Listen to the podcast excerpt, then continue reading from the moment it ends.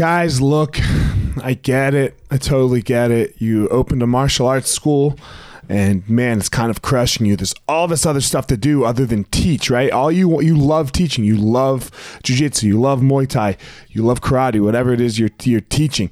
And man, but there's all this other stuff. There's there's the front desk. There's there's taxes. There's curriculum. There's cleaning there's there's problems, staffing, covering. Whew, man, it's so much. It's so much. Well, let me tell you, uh, we have started what's called Easton Online, and Easton Online is here to solve all of these problems for you. Easton Online is a digital academy for martial arts school owners and managers.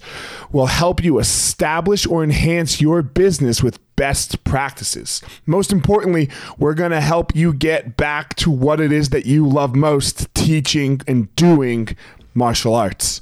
Okay, so for more information, guys, go to easton.online. Again, that's easton dot online add your email you're going to get notified about the course launches our first course is going to be all about the first impression specialists your front desk and all kinds of stuff, special offers, promotions, as well as we started a podcast by the same name, Easton Online, that's gonna talk about our process of how how we went from a tiny little martial arts school to what is now seven martial arts schools, seven Brazilian Jiu Jitsu Muay Thai schools, um, in a very holistic way that we believe um, kept the integrity of the art and also deals with its people very well. So again, easton.online, enter your email and you're going to get all you're going to get everything you need right there. So, thanks guys.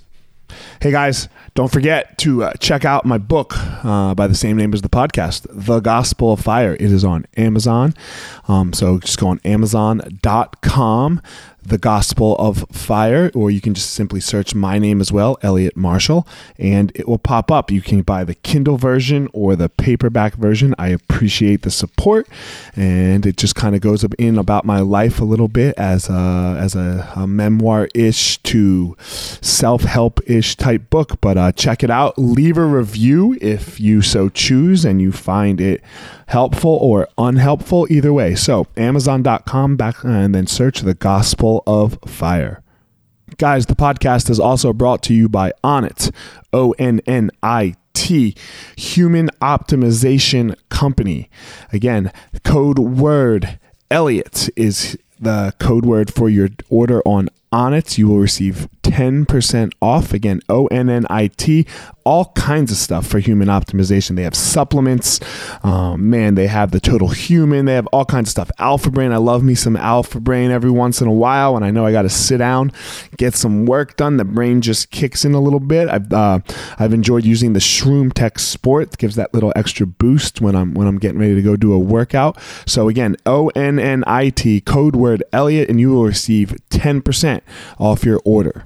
Guys, this podcast is being brought to you by Evo Labs. Evo Labs is a cannabis company who uh, has some of the best CBD products on the market. I really enjoy all uh, their CBD products. They have an intense salve that is my favorite product, where um, deals with muscle soreness. You rub it uh, on your muscles. You rub it, you know, rub it on your body after a shower, and uh, man, really helps relieve the soreness. The other CBD products, um, all kinds of different ones um, that you can can intake or use some for sleeping, some for stress and anxiety. Anyway, evolabs.com. Go check them out. And you type in the code word fire and you will receive 10% off your order. evolabs.com. Ever have sore, beat up fingers after jujitsu? We all have, right? Ever wish there was a better way to ice them down than sticking your fingers in a cup of ice water? Well, now there is Penguin Fingers. Invented by a Jiu Jitsu black belt, Penguin Fingers remove the soreness from your fingers or your toes in just minutes, allowing you to train harder and longer with less damage to your digits. Chronic inflammation is like sand in your joints. Training day, day in and day out with sore, irritated fingers can leave them arthritic and knobby. Penguin Fingers can stop all of that before it ever starts. Penguin Fingers non toxic, reusable individual finger ice packs come in boxes of one, two, or four soft gel sleeves. Simply keep them in your freezer and roll them out onto sore fingers or toes as they are needed. Available on Amazon or at penguinfingers.com. Fingers are life tools. Protect them. Use code 10 the fire and you will receive 10% off at checkout. Again, 10 the fire for 10% off at checkout at penguinfingers.com.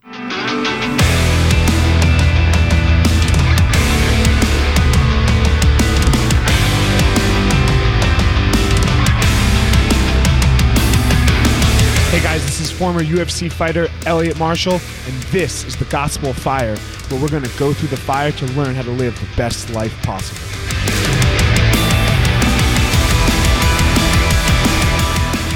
Um, today, my guest on the podcast is the best MMA journalist in the game, Ariel Helwani. Um, Ariel started from nothing, worked his way up, got kicked out of UFC events by Dana White, and is still was able to um, overcome and, and, become the you know the face of, ES, of MMA on ESPN. He is the epitome of what it is to work hard, keep grinding, and keep going. He goes over some of his battles with his own personal anxieties while leaving a very tight community in Montreal. And his story is just amazing. So, uh, the great Ariel Helwani. I am here with, man, the amazing, the great, the nose, Ariel Helwani. What up, man? How are you?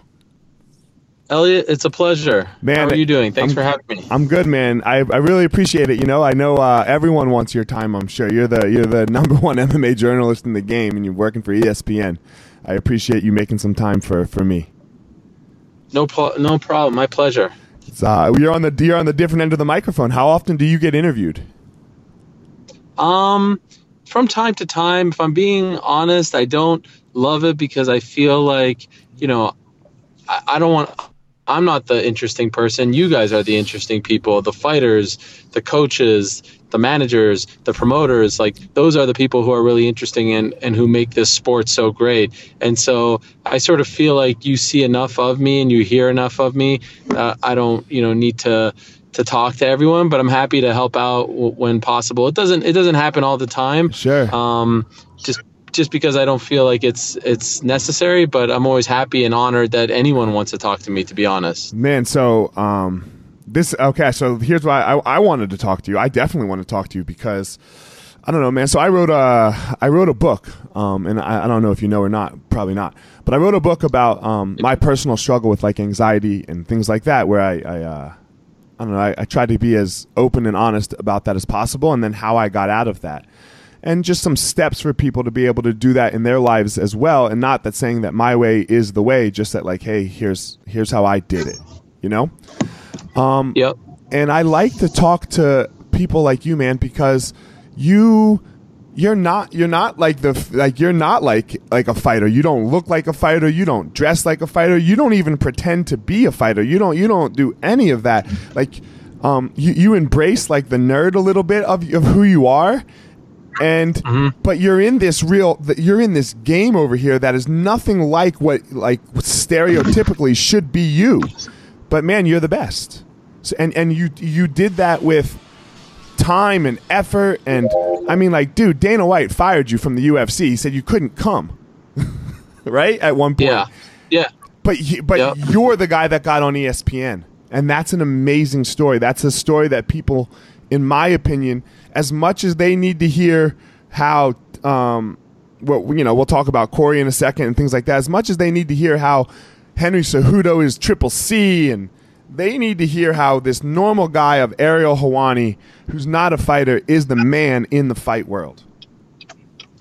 Well, I appreciate that, and and that was actually one of the things when I when I started, like you know, I, I always wanted to be um, a broadcaster, and I love journalism, and I loved MMA, and just as a fan, I kind of felt like the coverage wasn't that great. You know, I'm right. talking now like 15 years ago, and I also sort of felt like if I just come in there and be myself and don't try to act like everyone else, and just try to make my coverage a little more professional, you know, wear a suit um, get a cameraman to hold the camera as opposed to you know me holding the camera asking the questions like how they used to do it back in the day get a microphone and a mic flag and just sort of be myself and be completely different than everyone else.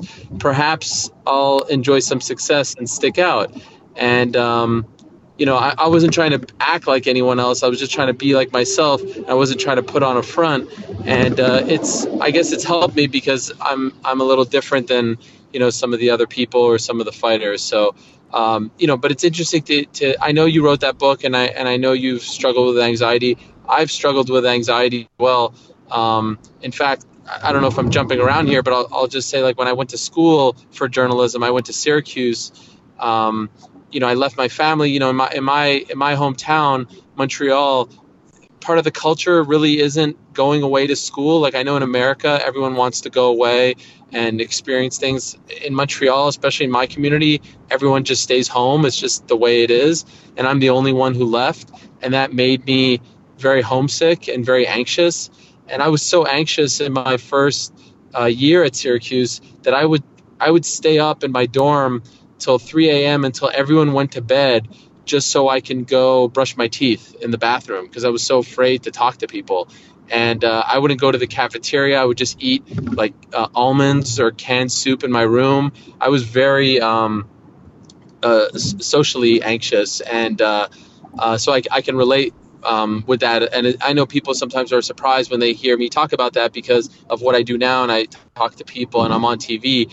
But uh, that's something that I definitely sympathize with as well. Man, you know, now that you say that, Ariel, it kind of makes sense because um, I want to get into that a little more. But when I say that it makes sense, is that you like when I when I see you out, like not on TV, like when I just come to say hello to you, you're you're not.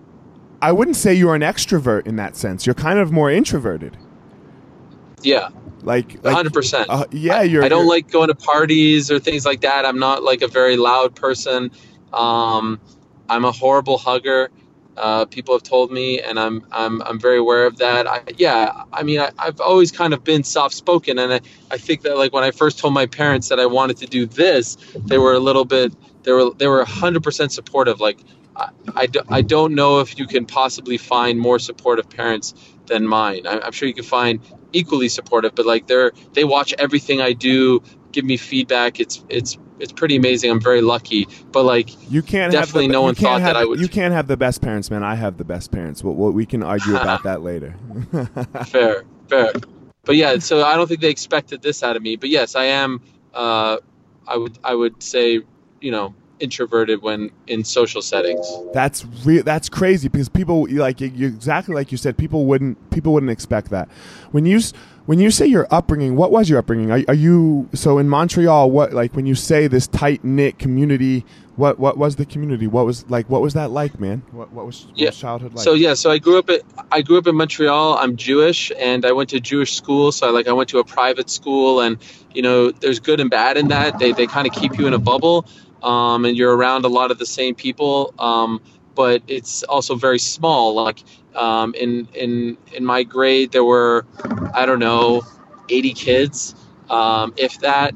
Uh, in my elementary school class, in my grade, actually, there were 20 kids. So it was very small, and, and um, everyone was very close. And uh, so my parents, my mom is from Lebanon, and my dad is from Egypt and they're immigrants who came to Canada in the uh, the late 70s. And so there's like a Lebanese slash Egyptian Jewish community within Montreal that we were a part of as well, which is even smaller than the just general Jewish community. Right. So um, yeah, so it's a very small, tight knit community. We, we share a lot, Ariel.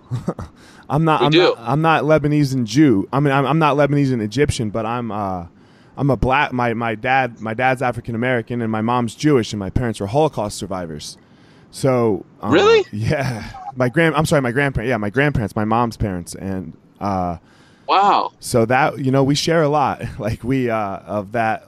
Um, I didn't know that. Yeah, not fitting in anywhere, right? Like like there's there was no yeah. there was no one like me in my high school, and that I mean this is what led to. For me, what led to my anxiety, man, was there was no one like me, and I was always told Hitler's coming again. right? Oh, like, oh, jeez. Like that's how I grew up. Like, so, um, but yeah, we we share a lot. we sh- we share a lot. Have that. you I- been? have ahead. you been to Poland or have you been to the concentration camps? No, I haven't, man. I don't. Um, I don't know that I could. Ha- I don't know how well I'll handle right now. I know my kids want to go. Like my, so they're dead. You know, my grandparents, and Yeah. I don't. Yeah, it's it's a weird thing when when they die. What, what right when people die and they've went through great experiences. Like I, I think sometimes you. I never took it for granted. I would say, but I. Uh, but now it now I see it differently. You know, I, I see the concentration camps differently. I see Jewish religion differently because I'm not Jewish by religion. So are you are you Okay. are you a practicing Jew? Was your family practicing? Yeah.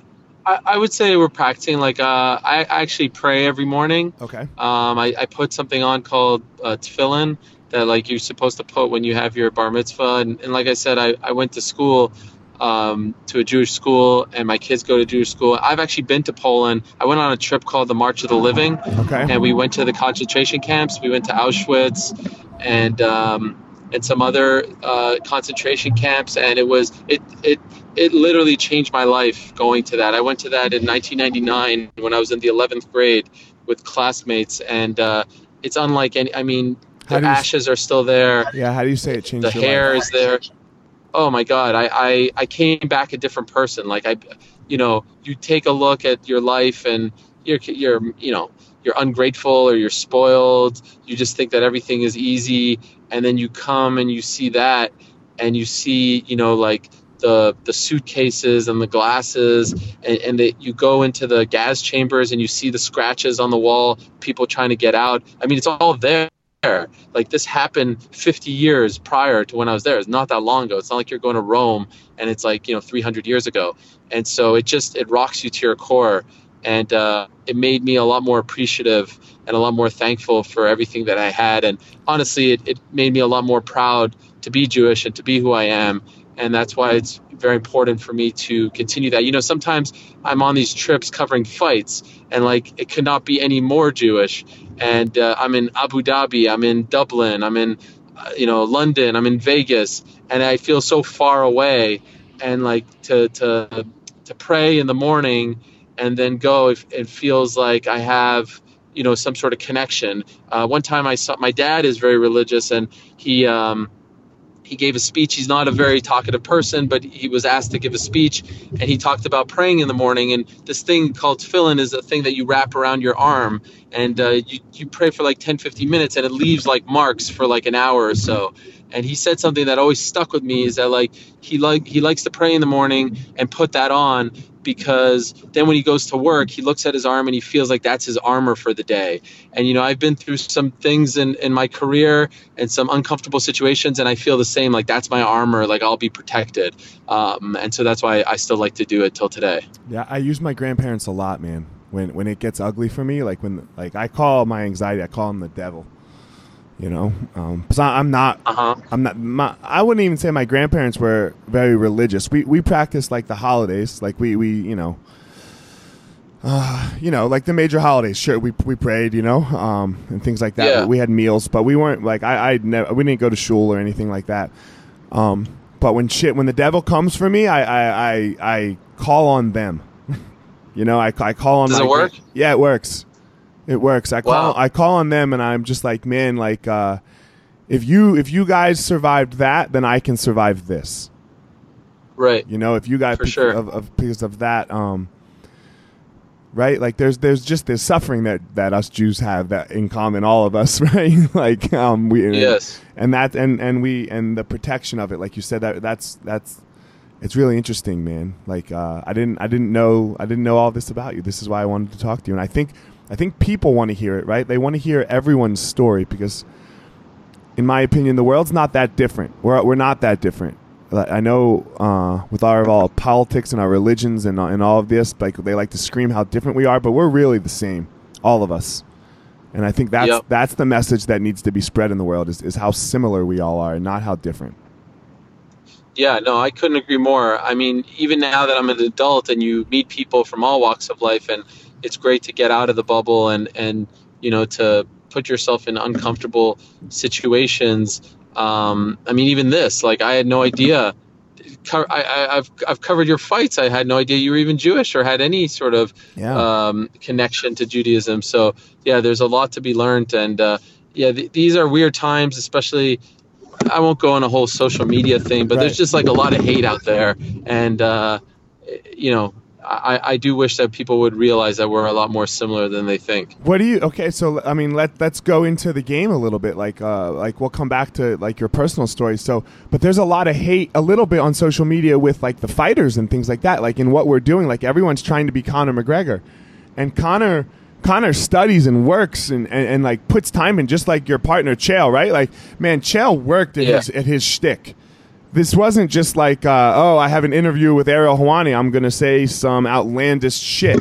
This this was way way different. Like they they put work in, but now you see all you see what's going on a little bit, like the trolling and how do you feel about that? Just like I mean, but it gives you something to talk about every day for sure.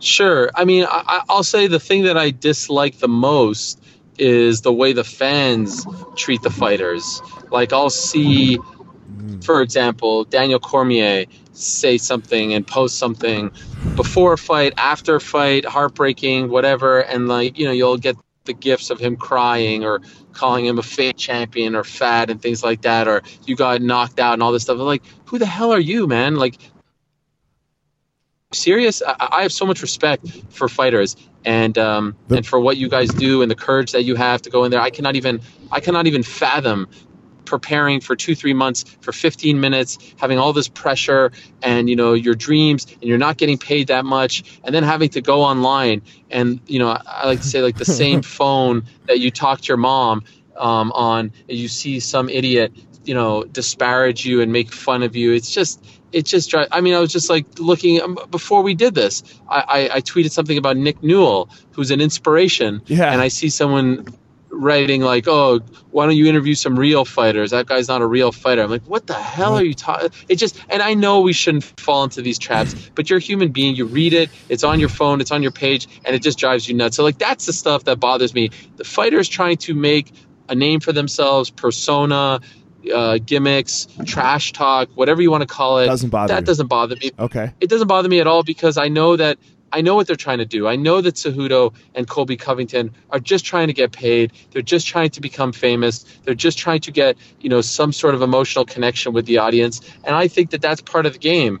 Um, you know, like it's important. You have to do that in order to make a lot of money. The best fighters have done that. And so there are different ways you could go, and there's certain lines that you probably shouldn't cross. But I typically feel that all's fair in love and fight promotion. That like if you do this for a living, you might as well go for it and try to, you know, make the biggest splash possible. So how um how do you feel like with the with the melee with like um the Conor Khabib thing, right? Like when someone's attacking someone's religion Yeah. and life and lifestyle, and then like, I mean, like Khabib's not from our country. Khabib doesn't get all of that, right? And and then he, Yeah. you know, and then he loses it at the end, like he lost it. Um, like where where's your stance? I mean, I'm I'm not criticizing you at all. I just want to understand where your stance is on No, things like I that. feel you know? no, no. I, I feel religion, family, these things are. Listen, that that doesn't help sell the fight. Like you could get Right. personal, mano y mano, and not bring in someone's wife. I, I think those comments are very inappropriate, and there's no real point. Like it's not like Conor's trying to build a fight with a member of of Khabib's family. But at the same time, I will say I understand this is very personal, and I understand that you know it's hard for me to put myself in his shoes. Uh, in this particular story, you know, his friend was attacked, blah blah blah. I think that whole thing was just dark and ugly, Right. and you know, we all needed a break from it. Um, and I, I just don't like, if I'm being honest, I don't like this sort of disingenuous response after from promoter slash organization slash media. It's like there's no place for this and blah blah. Yet the clip is shown over and over and Right, over again right. and all this stuff. Like, Dude, come if, on, if You know Conor I and? Khabib fight again, that's going to be the promo. Hundred percent, hundred percent, jumping out of the cage, Yeah. all that stuff, Yeah, like all that stuff. like because the promo before the fight was Conor throwing everything onto the bus. Right? Absolutely. You know, like and it's unfortunate. Like Right. like I wish it. I wish the bus thing. The bus thing didn't need to happen for that fight to be big. Like and and it. it They didn't it need to. very they didn't sad. need to promo that. Like that fight would have been just as big without the UFC promoing the the the bus throwing incident. Over. Come on, man. Conor's Conor's. You know he's red panty night, right? Like and Khabib's never lost. Khabib's got all of Russia. Connor has all of Ireland. Of course, it's going to be the biggest pay per view, regardless. You don't need to show that. I agree.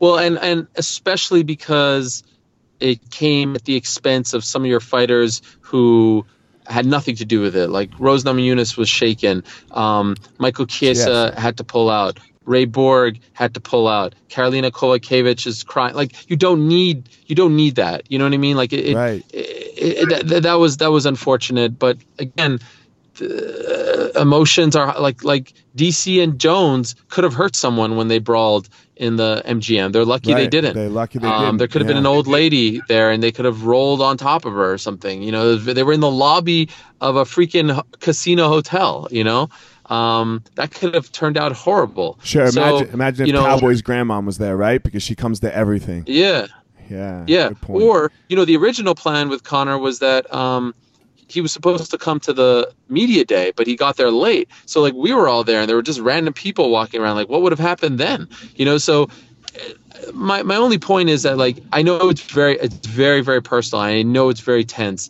Um, I just don't like like just own it. Like this, in many respects, this is the circus. You know, Right. this is this is this is fight promotion. So just own it. Don't give me the whole puppy dog look afterwards. Be like, there's no place for this, and then two months later, promote it. You know, up the wazoo. Right. Yeah. they're, they're, trust me, they're going to be, the next time Nate Diaz fights, they're going to be showing him smoking a joint. Of course. Although in that particular case, no one really reprimanded him, so at least they were honest that that was freaking brilliant promotion um, and self promotion. Like he's just he's just a genius. Like anyone thinks that the Diaz brothers aren't smart. Um, and don't know what they're doing. You're absolutely wrong. Dude, I He- love He's an absolute genius. Yeah, he's I love incredible. Him, man. He's incredible. Like, he, like, his whole his whole thing like, like you know that he's the champ the baddest motherfucker champ and like the way Yeah. he and like the way he backs up the argument is so good Yes. right like Yes. he's like ah you know okay so what you you were the champ you know and then what then you lost the belt and now no one now you can't fight anymore you know the baddest motherfucker i've been It's here for 15 years right like it was incredible it was incredible like Yeah. that and, and he's right though that's the thing like when you break it down by the Oh. argument i agree with him Yeah, and his whole thing about like Street Fighter and not watching cool movies, like it, it, it is somewhat Yeah. simple um, and innocent. Um, but like when you listen to him, you're like, yeah, you know what? He's actually right. You know, like this makes a lot of sense, and it's just nice to have him back because it's always fun and interesting when he's around. And he's like, I represent the Nick Diaz army. I love it, man. You know, because I'm Yeah. I'm kind of like It's that too. I'm I'm um I'm ride or die. Like I have six rules of life, and my my rule number six is ride or die. And man, for un, until the day I die, I represent Easton Jiu Jitsu, man. You know, with them all, and that's just how it goes. Like Yeah. nothing's gonna change that. And Yeah, like so, I I, love I. I love it. I love it. Like he he's just as old school as old school gets. When he was like, you know, and Cesar's probably mad at me right now for some of the shit that I'm doing because he's Yeah. taking a lot of shit. But you know, but Caesar loves me and I love him. Like that.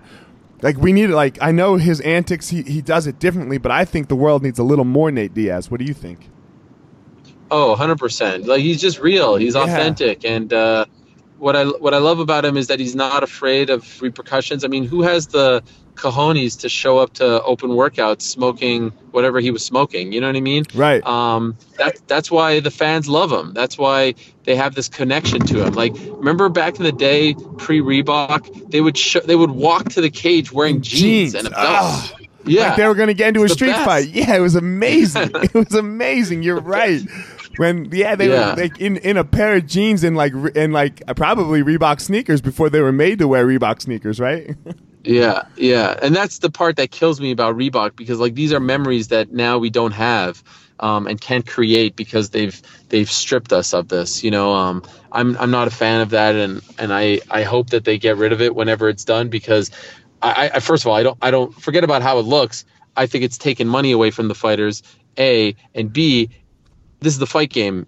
Everyone should not look the same. They should not look uniform. Right. And if you tell me that you want to clean it up and you want it to look like the NBA or the NFL, well, in the NBA and the NFL, they could still make hundreds of millions of dollars off selling, you know, their their rights to shoe companies, right? Or glove companies in, in the NFL or cleat companies in the NFL or in, in hockey skate companies. Where do the fighters get to, to profit? Where, where like they can't sell their gloves, they can't sell their shorts. What can they sell? There's nothing left. They can't sell their you know, so I, I don't I don't buy that. Sure, they come take it from us.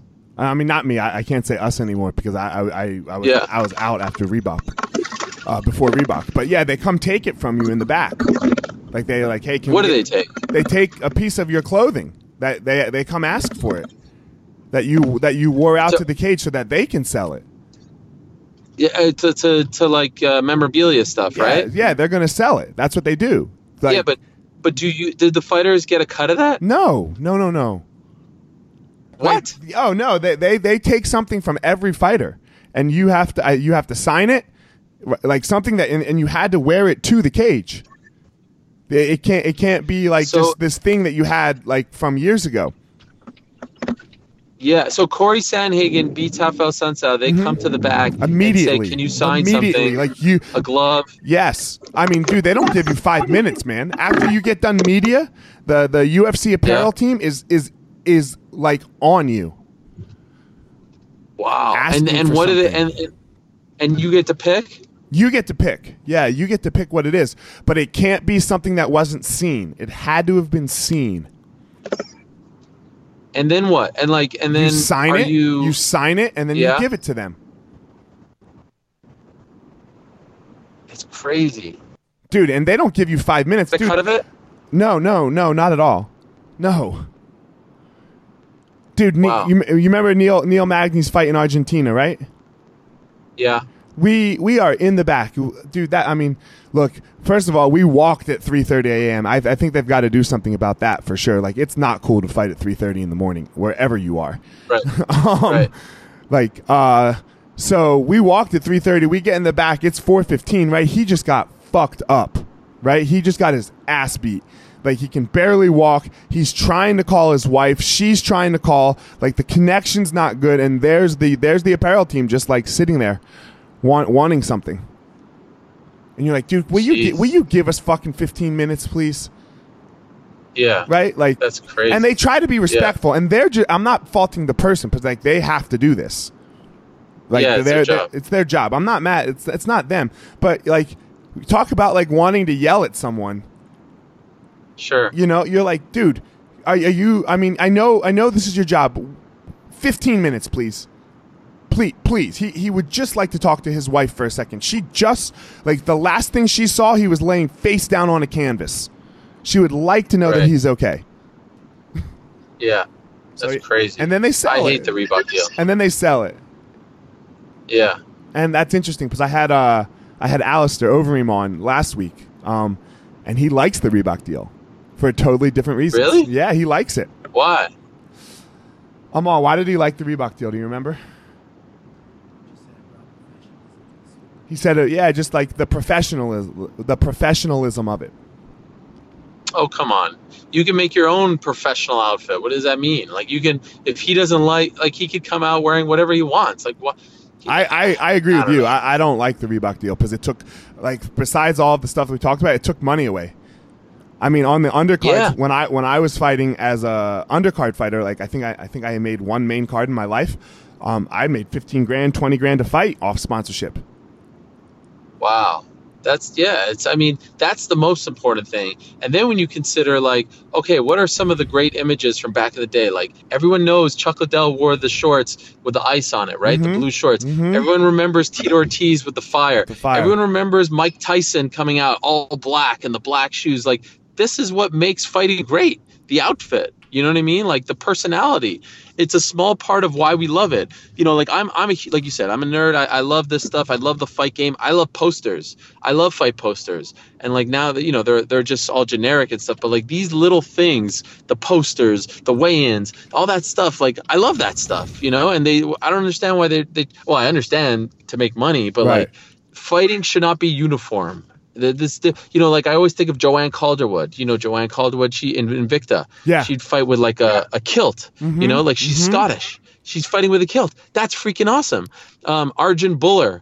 wanted in his UFC debut wanted to come out wearing a turban. Think about how many people are Indian in this world. They they see a guy who looks like them, Sikh, walking out with a turban. And wh- what happened? No, they said no. What? Th- this is great. This is what makes fans. You know what I mean? So that stuff drives me nuts. I, I agree. It, it's what builds like real connection to people. Yeah, right? Like that's you know, what we want. That's it- what we want. that's how you do it. This is you know. It, that that's how you do it, but you know who are we to say you know they sold for 4.2 billion? I haven't I haven't taken Yeah. anything from 2 million to 4.2 billion. Have you? No, no, no, no. I. We're working on it, right? We're working on it. Yes. Yes. I want to. So let's go back now. How did you, man? Like, so you're sitting there talking. You you talked about like you didn't want to talk to anybody, and you would like literally stay awake till 3 a.m. to go brush your teeth, so you didn't have to see anybody. How did you get over that? Yeah. What, what What are the things that got you through? Like I like, to, like I said, I like to call it the devil. How'd you beat your devil? Well, how, I, Man, I, I don't think you, uh, and nobody beats their devil. How do you deal with Yeah. your devil? Sure, sure. So a few things. So like, so I went to Syracuse University 2001 to 2004.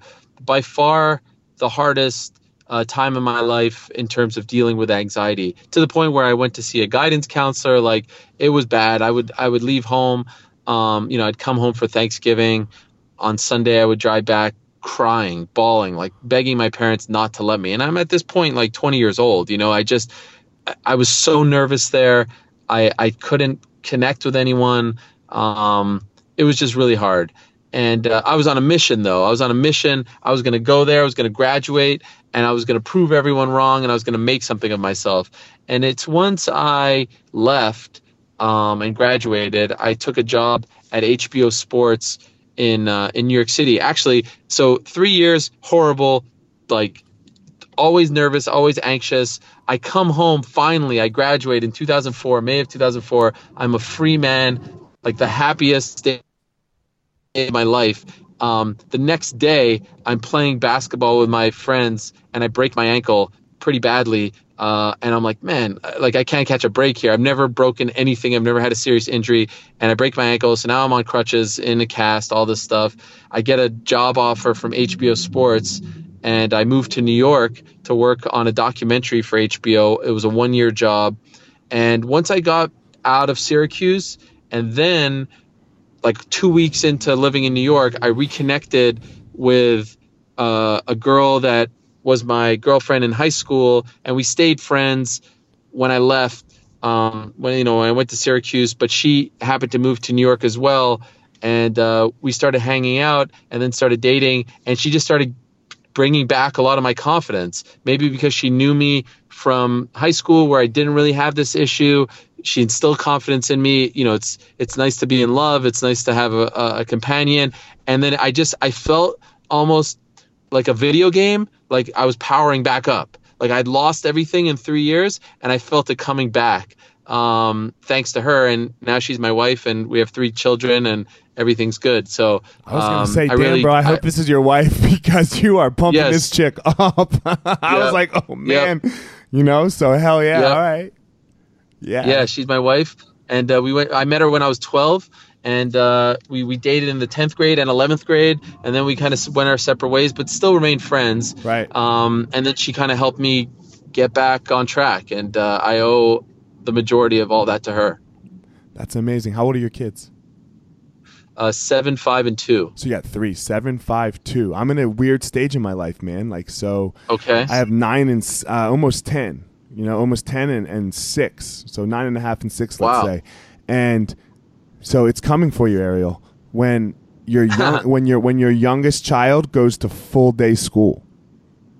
yeah. Because it's a weird thing. It's, it's been a decade, right? It's been a decade for me of, Yeah. of, of worrying about where's my kid and what's he going to eat, or one of them, right? Yeah. Like, and what time Yeah, is this, and then running here and running there.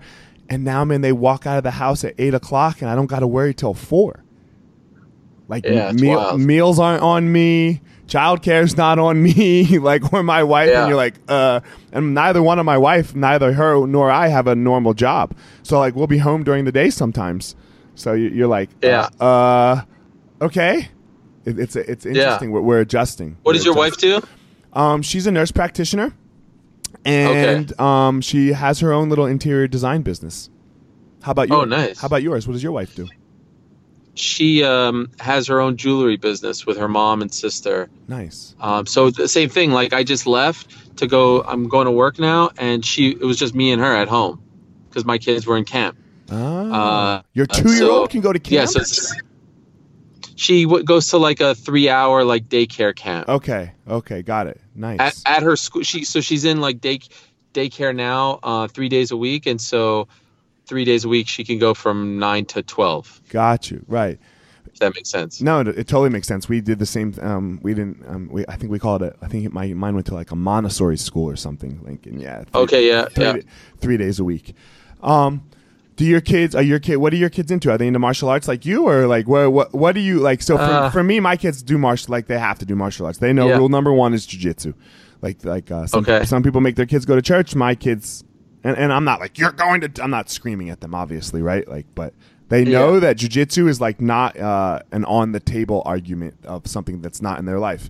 And you love martial arts, so do you, are, Yeah. where are your kids? Do they like it? By the way. Uh, they do. Yeah, they do. My kids, um, right now, like we'll see what happens. Right, right now, they're they they love their dad, you know, because they're at that age where like they're you know, like they they wear UFC socks to school. They have UFC hats. Their backpacks are all UFC because you know I fought in the UFC and they see me. They you know their dad was on TV this weekend, right? So Yeah. Yeah. so they think it's cool. Like where where it goes, I don't know. Yeah, Um, like when they're when they go through the I hate my dad stage. So I'm, I'm super aware of that. But right now, yeah, it's not a problem. How about like, Do you uh, like if they say to you, "I want to be a fighter"? What do you What do you say? I, my children can do whatever it is that they want to do with their life. I am going to be one hundred as long as it's legal. You know, I'm going to be one hundred percent supportive. If they don't want to go to college, they don't have to go to college. I'm not. I take the Gary Vee approach a little bit. You know, um, let's Yeah. let's let's find out what you want to do, and but whatever that is, we're in. We're in. Right. You know, we're in. How about you? How do you Yeah, how do I- you see it? I agree. I agree with that 100%. Um, my kids were so my seven and five year olds, uh, five year old boy. Um, they uh, they're very into Pokemon right now. Okay. I was never into that stuff as a kid. I never liked sci-fi or any of that. I was a huge sports fan from the moment. Like I remember being four or five years old and watching basketball and baseball and pro wrestling, things like that. Uh, but never into like that sort of thing. And so initially I was like, well, this is kind of funny. Like uh, this is total opposite for me. But then I remember when I was growing up, like my again, my dad, uh, very, very, very hardworking man from Egypt, immigrant, worked in a factory, built his way up, ended up buying the company. Like I remember watching pro wrestling in particular, and he would get mad at me. He'd be like, "This is you're a smart boy. Why are you watching this nonsense?" And like he didn't care about basketball, he didn't care about fighting, he didn't care about anything. And so I'm not going to try to get them into something that you know I like just because I like it. So right now they're into that. We play you know basketball outside. We'll, we'll play football and things like that, but they're not like totally into it. Um, and so I'm just I'm just letting them figure it out. In fact, this morning I was trying to convince them to try martial arts and to try jujitsu, and they they're like sort of into the idea, but like not.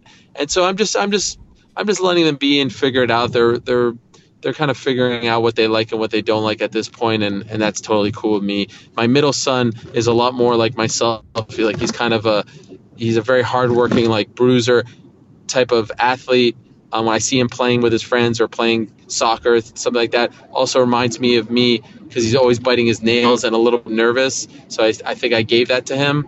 Um, but I, I, I'll, I'll let them figure it out, and Sure. I'll be there by their side. Yeah, I mean that. Uh, sometimes that's that's the that's the goal with parenting, and I think that's where we blow it. Sometimes is is we like. Um, so when I say my kids have to do jujitsu, like that's rule number one. Look, we're not fighting about it. Like it's just part of our life. Hello, are you there? Oh no. You there? You back? All right, we got you. Hello, Ariel. Yeah. Okay, we got Yeah, I'm here. Okay, cool. So like when I say my kids' rule is is jujitsu, like um, it, it's not because they like I have. s- It's what it does for the the the, the soul, the the life, how it teaches you how to struggle and survive and, and all of that stuff. You know, um, that that's why we're do- like that's my religion is jujitsu. So that's that's the rule. But um, as far as like what they do, yeah, I agree with you. The job, our job, is to support our children. It's not to make them be doctors or lawyers. We'll, we'll have doctors and lawyers, in my opinion. People people will want to do that. Yep. You know, that's that's not hard. But no one like uh, greatness. You know, and whatever whatever that is, I want. I like that. That's why your story is so interesting to me, is because you, you achieved greatness from where greatness was not was not there before. You know, and and that that's in my opinion, that's Thank like you. the special shit in the world. Like, and even though I know you're not, you're not okay, you're not, you're not Conor, right? You don't have 14 million followers and yada yada and pro, whatever, and you're not Anderson or GSP, but that's okay. Like, we all can be great, and and, and rather than be like somebody, be you. Like, find your power, and and that's the amazing story of what the world brings to us, in in my opinion. Hello. Yep. I, So- I agree. I'm I'm a big believer in. Can you hear me, Yeah, I got you again. Yep. Elliot? Yeah, I'm here. Okay. Uh, no, I agree 100%. I'm a big believer in just being you and not trying to be someone who you're not. Um, like, I think that that has been part of my success a little bit with the fans because I think that they saw me early on in my career and, uh, you know, they, they noticed that I was just a fan and I wasn't some TV guy trying to act like something that I wasn't. You know what I mean? Like I just think uh, if you're if you're authentic and you're real and you just act like yourself, you don't have a fake voice or fake, you know, like suits and all. Like you're just playing up some sort of character. In my position, I think if you're a fighter, it's a little different. You Right. can play a character that's fine. But I think in my position as a journalist, fans just want the real deal and uh, the connection that I've had with them over you know the course of my career so far, like. Uh, you know, supporting me, having my back, things like that, for the most part, has been pretty amazing. So stuck around. I feel very man. lucky. You stuck around. You, you. It's the Muhammad Ali effect. Sometimes I call it. Um, he like no one liked like no. Come on, man. White people didn't like him when he was like actually fighting, right? Like Right. because Right. no no American liked Muhammad Ali because he was like you know anti-American. They said, but then when they saw him stick around, he he became beloved by the world. Right? Yeah. like he, he- Yeah, and that's a good point. right? Like, come on, like he was a Muslim, right? He, you know, and Yeah. for a little while he was a black Muslim. That was like the worst thing you could be, like Nation of Islam Muslim, Right. Like, so outside of their community, that's ter- that's terrible. In, in you know, that's how that's how most of the world sees them. You know, even sometimes other Muslims, correct? Or I think it's Muslims. Right. My, I have a I have a Muslim friend. You don't say Muslim, it's Muslim. Sorry. Um, but like he's you, he stuck around long enough, man, and like stuck like you could see that he wasn't fake, and that's that's that's the important thing. Like for and I believe is the same thing with you. Like you you weren't fake. You're you were you were really trying. Like you you loved martial. You loved you loved MMA. It was that simple. You just loved Yeah. MMA. Yep. I did. I liked it and I kind of viewed in a weird way MMA was the underdog when I started to cover it and truly love it and I kind of viewed always myself as the underdog. You know, when I went to Syracuse, what really drew me to wanting to do this as a job was I always wanted to be a broadcaster, I always wanted to be a journalist. But then when I got to Syracuse, I realized that everyone had the same dream as me. For the first time in my life, I was surrounded by like-minded people that, you know, they all wanted to be the next baseball, basketball, football guy.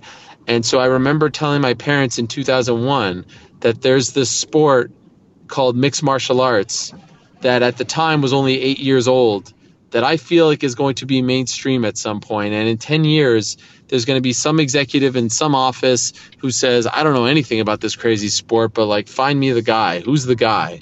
And I want to make myself the guy. I want to be in that position. I want to be the Howard Cosell of MMA. Um, and I kind of viewed this, this crazy sport as an underdog.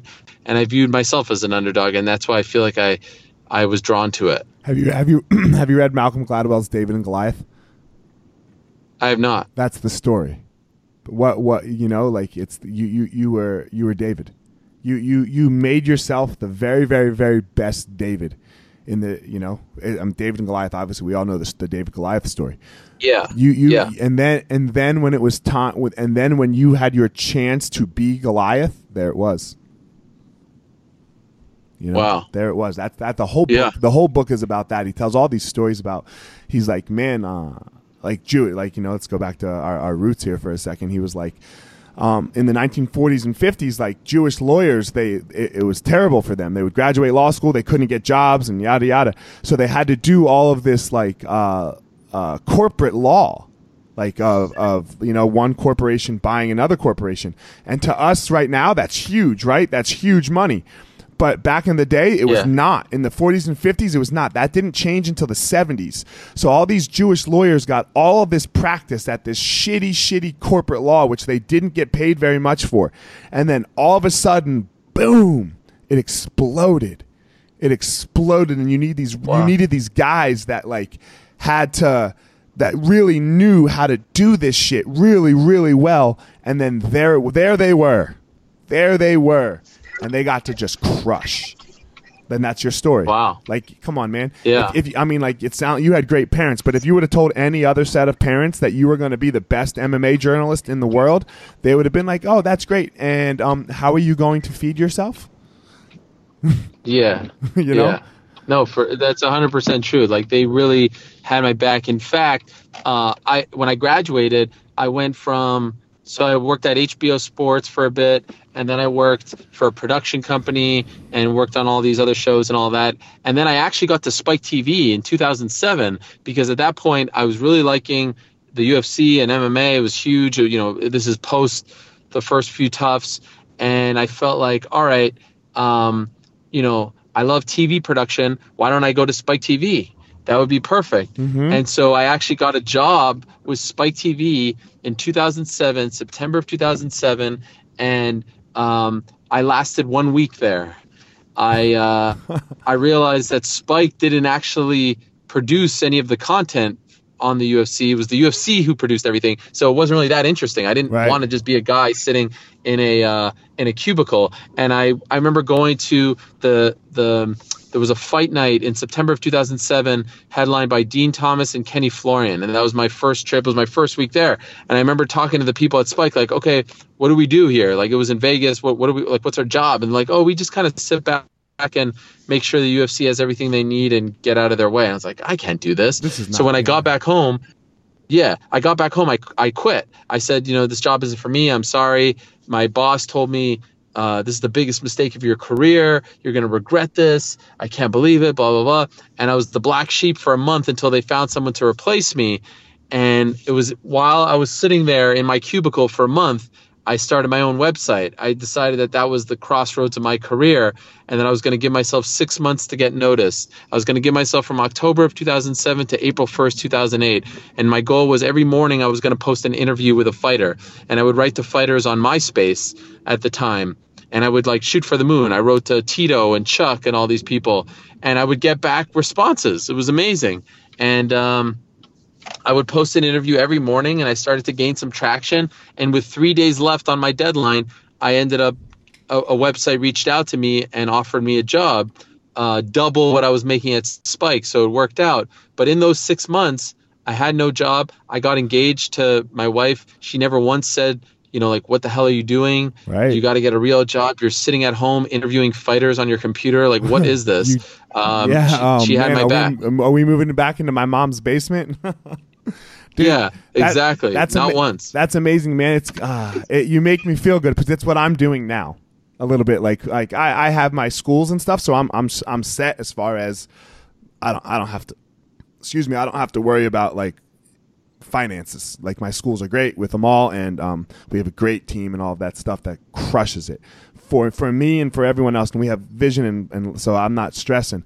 But I'm trying to build this brand thing, you know, like like this thing that I'm doing, and I'm trying to build. Uh, we have another business called Easton Online where we're we are. Uh, we are it's it's just brand new. We're, we're how to how to make your martial arts school great. We're, we're giving we're giving our processes away you know? And man dude it's just a lot it's a lot of emailing right now. Like dude i'm hitting up joe rogan. I'm hitting up you know for jonathan haidt i'm hitting up all of these people that i that i want to talk to.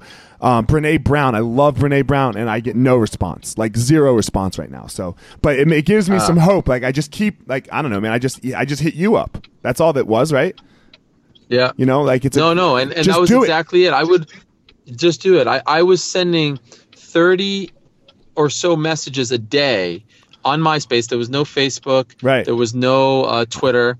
Um, and uh, I would go on everyone's MySpace and I would send them, hey, Bruce Buffer. Right. Hey, Dan Severn. Hey, Chuck Liddell. Hey, George St. Pierre. Hey, Tito Ortiz. And three, four people would write me back, and I was good. And you do it. I just needed Yeah. one a day. One a day. I just needed one a day. All right, I know you got to. Yeah, I know. need- go ahead. Sorry. Go ahead. No, no, I was just saying, and then like you know, so once you get a little traction, you get a little confidence, and then you could tell people like, hey, uh, look, you know, this guy talked to me, and then Right. it kind of snowballs from there. And so, you know, you just the, the the thing, the main thing is like people ask me like, don't. There were times like so you th- you say now like October to April, and it's like ah, that's just six months, but like come January, come February, I was super down. Like nothing was happening, and I thought like this was all a waste. Right. And and the biggest thing for me is like don't lick your wounds, don't feel sorry for yourself, don't feel like the world is out to get you. Just wake up and and try to fight. And uh, I don't need to tell you that, but like just try to break down those walls and. Uh, and good things will happen. I, I, I do believe that like if you ha- are positive and believe in yourself, that the world tends to attract good things your way. Uh, you're the man, bro. That was amazing. Amazing. I know you got to go, but I got three questions for you. Can we do three questions? No worries. You got time? All right. Yes, sir. One. Who's Yes, sir. beating? Who's going to beat Corey? Haha. Man, I'm a big fan, uh, as you probably know. yeah, I know you are. I f- I'm worried, as I told him on Monday, I'm worried that he's going to go down the uh, Tony Ferguson path because we've got Dominick Cruz returning. We've got Frankie Edgar dropping down. We've got um, Urijah Faber who's back. We've got Sterling who's very vocal. There's Yan and the Russian, um, you know, angle there. Where does he fit into all this? I think he should already be in that discussion. He's now won seven in a row. Well, how's he going to break through? Um, I, I believe him when he says he could be the guy. Like I when I see him fight, I'm like this guy could be a champion. He has what it takes. He's very good, um, and he's got incredible um, attributes that a lot of these other bantamweights don't have. Don't have. So you, you know my thing again like so Colby's thing is you know MAGA and Conor is the money and all that stuff, but like he's got a thing too. Like what he does with with with with that school um, is very impressive and it's very it's it's very likable. It's just a different type of way to get yourself out there. Um, the stuff with the like recycling and environmental, like that's cool too. You know, like they they just need to get behind him and start getting people to know who he is. Because like at first glance, he just kind of looks like the everyman, which I think is part of the appeal. He just needs the promotional muscle behind him. So to answer your question, I I'll say no one. Why not? Why can't he be champion? I say the only one that's giving him a problem. So now with Frankie Edgar coming down, I, I could see Frankie's very tough, right? Um, and Cejudo, I mean, obviously Cejudo can give everyone a problem. Like you can never say Cejudo can't beat someone when he when he beat DJ, TJ, you know, and and and he's the Olympic champ. So Yeah. does DC retire? Yes or no? No. Okay. And all right, now this is just for me. Uh, uh, so we've we've been on for 50 minutes now. What can I do better? How can I improve? And please don't tell me that I'm great at, at, at, at podcasting and talking and things like that. Like, what are some things that I can work on to, to make me better? Because you've obviously crushed this. So, oh, that's a great question, and I give you a lot of props for asking it. I swear, I was thinking, and I was going to tell you after. You know, for me, the toughest thing to watch, as someone who loves interviewing, interviewing, interview, interviews, things like that are my favorite thing. Like, if I could interview people all day, every day, I'd be the happiest person, right? And it's hard for me sometimes to watch or listen to athletes or people who have spent their entire life being interviewed then transition to the other side and start asking questions. Why is that? Because you've been programmed to always kind of think about yourself, not really listen to other people. Like it's just me, me, me, me, me, me, me, right? Yes. And so then it's hard to listen and ask follow-ups and to to be inqu- inqu- in- in- inquisitive and and uh, and question things and all that. And I was going to tell you, for an ex-athlete, you know, who's been interviewed countless times, you're doing a great job. Like you you you ask very thoughtful questions. It sounds like you care. It's genuine. I know you don't want to hear this stuff right now, but um, you know, it sounds like you care. It's genuine. You do your research, all that. Like you're you're well on your way. very uh, very far ahead of some other people who are trying to do the same thing that you're doing who are ex athletes or ex MMA fighters. The best piece of advice I could give to you is listen. Just listen. Like I don't know what's in front of you right now, but like I've never written down a question. I I, I want to go into a conversation Nothing. good. So I want to go into, and I felt that, but I want to go into a conversation like I would go into a lunch, you know, meeting or a party or something like that. Like I don't bring a list of questions with me. You, you're just a person. You listen. You you you conversate. You ask. You're inquisitive. You you you say something. They listen. It's back and forth, like what we were doing when we were talking about our families and whatnot. Right. Those are the best quote unquote interviews. And so I would just say like always listen. It's okay to do your research, of course. Have some sort of path where you want the interview to go. You want it to start here and end here, but never ne- like I see people on TV doing interviews with athletes like LeBron James, and he's being interviewed by someone who's holding a, a sheet of questions. Like you can interview LeBron James, really? You can't sit there for thirty minutes and ask this man questions. So that drives me nuts. Right? And so like, come on, just let me do that interview.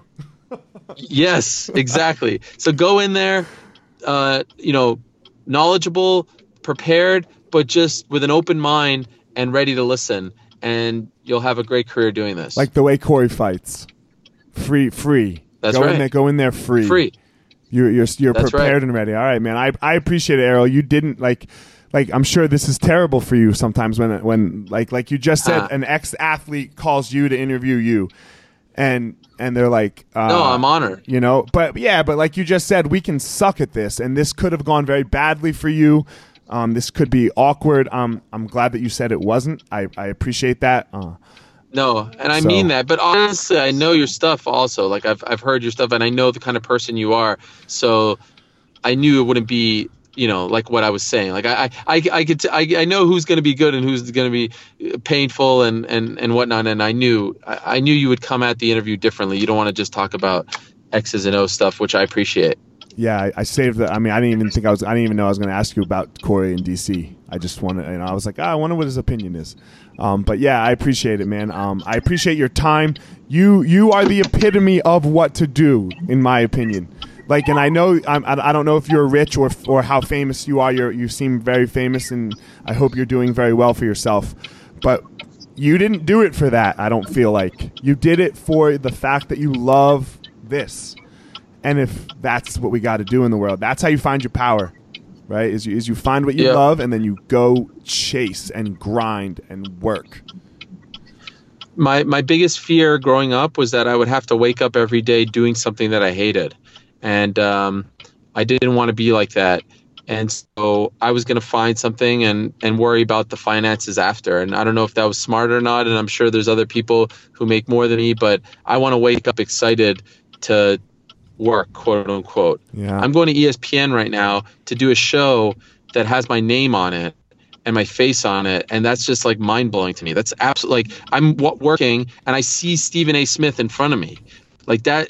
The, like who the hell am I? Like where did I come from? Why why am I like so? This is all very surreal, and I will never take it for granted. And I'm just I feel incredibly lucky that I get to do this. Ariel, I really appreciate it, man. Um, that's the message. Come on, everyone. We all can do it. Everyone can do it. So, Ariel, thank you very much, Yes. man.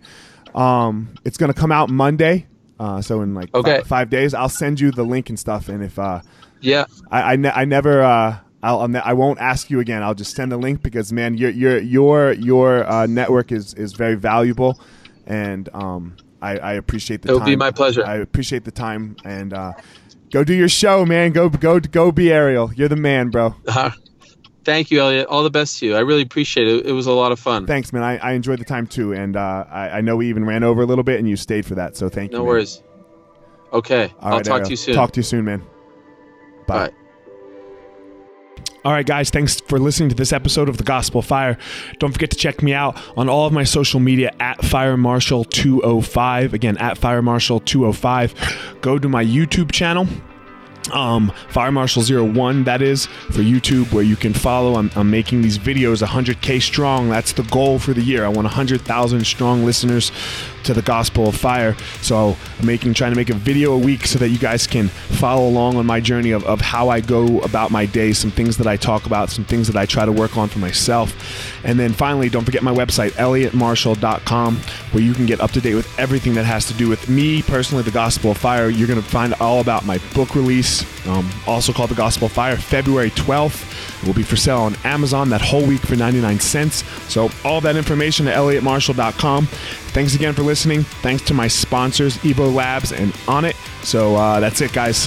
Hope you enjoyed the episode.